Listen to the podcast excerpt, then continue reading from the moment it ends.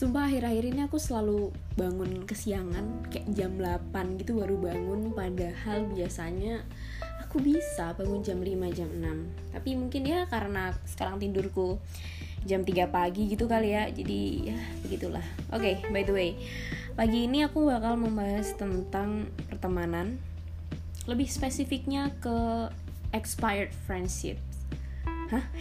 Expired? Sumpah temen bisa kan luar sa ya gitulah ya. Menarik sih. Aku juga baru research beberapa waktu belakangan nih tentang circle pertemanan kita lalu proses bagaimana kita berteman menjalin pertemanan lalu pada akhirnya uh, berakhir hilang-hilangan kayak gitu. Nah mungkin itu salah satu tanda tuh uh, pertemanannya udah expired. Tapi aku juga pernah mendengar orang yang sangat positif sekali dalam hidupnya berkata bahwa real friendship never expires. Pertemanan yang beneran itu tidak akan kadaluarsa, Kak. Lalu kenapa nih, Kak, aku membahas yang uh, kadaluarsa? Menurut aku, in my personal opinion, itu bisa sangat terjadi. Entah kalian itu sepakat atau tidak dengan apa yang aku sampaikan, tapi dari versi aku, itu sangat mungkin terjadi sekarang gini deh. Orang pacaran bisa putus. Orang nikah bisa cerai. Ya kenapa? Teman kan juga. Berarti ada kalanya dong kita berteman lalu tidak berteman kak. Nah mungkin itu bisa jadi tanda-tanda bahwa ya udah stop pertemanannya sudah tidak bukan tidak layak ya. Apa ya ngomongnya? Ya udah tidak berlaku lagi tapi yang namanya orang pernah datang ke hidup kita entah berapa lama waktunya seminggu dua minggu sebulan setahun sepuluh tahun sampai berpuluh-puluh tahun kita nggak bahkan bisa ngehold orang ini selamanya. Menurutku sih karena kan hidup ini selalu berkembang ya selalu bertumbuh. Dan kita nggak akan bertumbuh dengan orang yang itu itu aja. Kecuali ada orang yang selalu di zona nyaman tapi kan so far yang aku tahu zona nyaman tidak akan memberikan perkembangan. Jadi pastilah orang tuh selalu punya teman baru, kolega baru, dan gitu. Uh, menyadari bahwa pertemanan kita sudah tidak sehat itu susah. Itu nggak gampang. Kebanyakan dari kita uh, mencoba terus memperbaiki hubungan padahal mungkin sebenarnya itu udah nggak worth untuk dipertahanin pertemanannya. Sekarang kita coba beda dulu deh. Biasanya pertemanan itu kayak mana gitu. Gini kak. Waktu kita kecil itu kan kalau kita mau berangkat sekolah tuh pasti ada yang nyamperin kan kayak oh sih berangkat yuk gitu-gitu. Terus mama kita nih bu kita bilang eh itu udah disamperin sama temennya udah kita salim kita berangkat kita akhirnya SD bareng SMP bareng SMA bareng. Terus pernah sadar nggak waktu kita udah mulai kuliah kita udah nggak kontakan lagi dong sama mereka. Ya mungkin ada satu dua tapi kebanyakan tuh los ya hilang gitu aja. Kayak tiba-tiba mungkin ketemu sekali dua kali tapi udah awkward gitu loh. Kayak bisa ketemu nih di mana gitu di minimarket gitu. Lah itu kan teman SMA aku. Tapi rasanya kayak mau ngobrol apa nih kak? Kayak bingung aja paling cuma senyum terus kayak nunduk halo eh, apa kabar? Sekarang di mana? Terus udah ya duluan ya aku mau beli dulu. Kayak gitu loh. Atau itu yang paling simpel sih maksudnya mendefinisikan bahwa pertemanan itu ya udah ya udah gitu gitu gitu doang tapi ada juga yang mereka tetap bareng udah lama berteman tetap bareng tapi ngerasa bahwa kue koncoku tenan nggak sih gitu? Kue temanku beneran nggak sih? Kadang ada loh kak yang mikir kayak gitu. Aku pun ya mikir pernah mikir kayak gitu. Nah ini aku ngasih tanda-tanda aja sih beberapa hal yang mungkin bisa jadi eh, ciri-ciri uh, kalau pertemanan itu sudah mendekati masa kadaluarsa kayak gitu.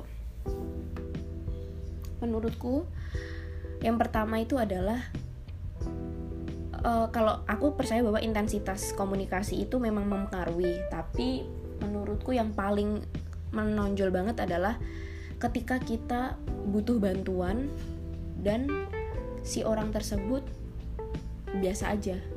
Kalau dulu awal berteman kan kita ingin memberikan effort kita put all of our attention for them kayak gitu. Tapi sekarang kalau kita minta tolong kayak ya udah sorry gini gini gini. Ya mungkin dia sibuk. Tahu sih orang sibuk. Tapi mungkin cara dia merespon itu udah nggak udah nggak gayung bersambut gitulah kayak kita mau apa dia biasa aja. Padahal mungkin itu pertolongan yang sangat urgent ya tapi kayak gitu. Artinya gimana ya pertukaran value tuh udah nggak ada. Aku ngasih sesuatu dan kamu memberikan sesuatu. Ada orang yang bilang lah lu kan temen datang pas cuma butuhnya doang. Ya, ya emang begitu kak. Ya teman itu ada untuk ketika kita butuh.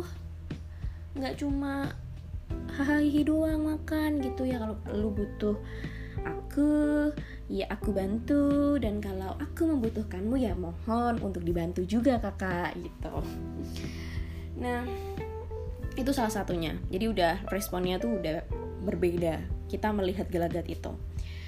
Yang kedua temen yang udah mendekati luar nih atau udah nggak patut untuk dikonsumsi dan dipertahankan adalah ketika kita mau berubah tapi orang itu tidak meresponnya dan tidak mendukung kita.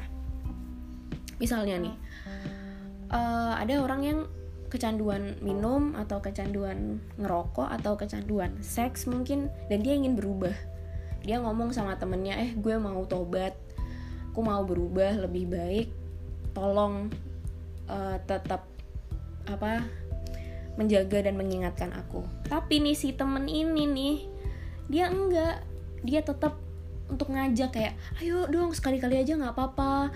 Aduh udahlah uh, minumlah sekali eh udahlah cobain gini. Itu menurut aku udah aduh udah enggak sih karena gimana ya orang itu mencoba menarik sesuatu uh, ke arah dia padahal kita udah menarik diri dari hal itu gitu loh. Dia tidak mendukung kita kak. Dia nggak support kita dan dia mencoba untuk menghalangi kita berubah. Bukan menghalangi sih mungkin dia ya nggak pengen aja. Nanti kamu lost dan jadi berbeda jalur. Tapi menurut aku itu udah tanda bahwa dia nggak suportif sih. Terus uh, nomor tiga itu adalah um, parah banget ini sih. Kalau kita cerita tentang mimpi kita atau tujuan kita di masa depan tapi ini uh, dia kayak ah masa sih? Kayaknya nggak bisa deh kayak gitu. Dia selalu membenturkan kita dengan uh, negatif thoughts gitu loh. Kayak nggak bisa deh kayaknya. Udahlah biasa-biasa aja gitu. Jadi kita bermimpi besar tapi teman-teman kita enggak. Teman-teman kita mencoba untuk memendam dan uh, apa ya namanya tidak menyambut itu dengan baik jadi kita ditarik ke zona nyaman terus untuk terus kayak gitu untuk tidak berubah jadi when you talk about your dream and someone say no itu coba dipikirin lagi deh apakah dia teman yang baik Terus mungkin yang keempat itu adalah temen yang um, jealous. Yes, teman yang full of jealousy. Jadi orang yang kalau kita punya sesuatu atau kita achieve sesuatu dia panas. Gini ya, sorry banget nih kak. Aku nih kalau berteman, kalau orang mencapai sesuatu atau kalau dia punya sesuatu, aku ikut seneng karena bagi aku ya pencapaian dia itu kayak aku ngerasa mencapai itu juga misal ada temen yang keterima nih kerja bagus atau keterima kuliah di luar negeri atau temen keterima apa gitu seneng rasanya kak. Tapi tuh ada yang kayak ya kelihatannya di depan seneng cuma di belakang ngomongin kayak ih ini kan gini aku tuh tahu begini begitu. Gimana ya kalau temen yang baik tuh nggak jelas karena kalian tahu bahwa kalian punya uh, jalan kalian sendiri-sendiri kalian punya uh, mimpi kalian sendiri-sendiri. Ada juga temennya punya pacar terus uh, si teman yang satu nih jomblo terus dia kayak panas gara-gara temennya pacaran terus.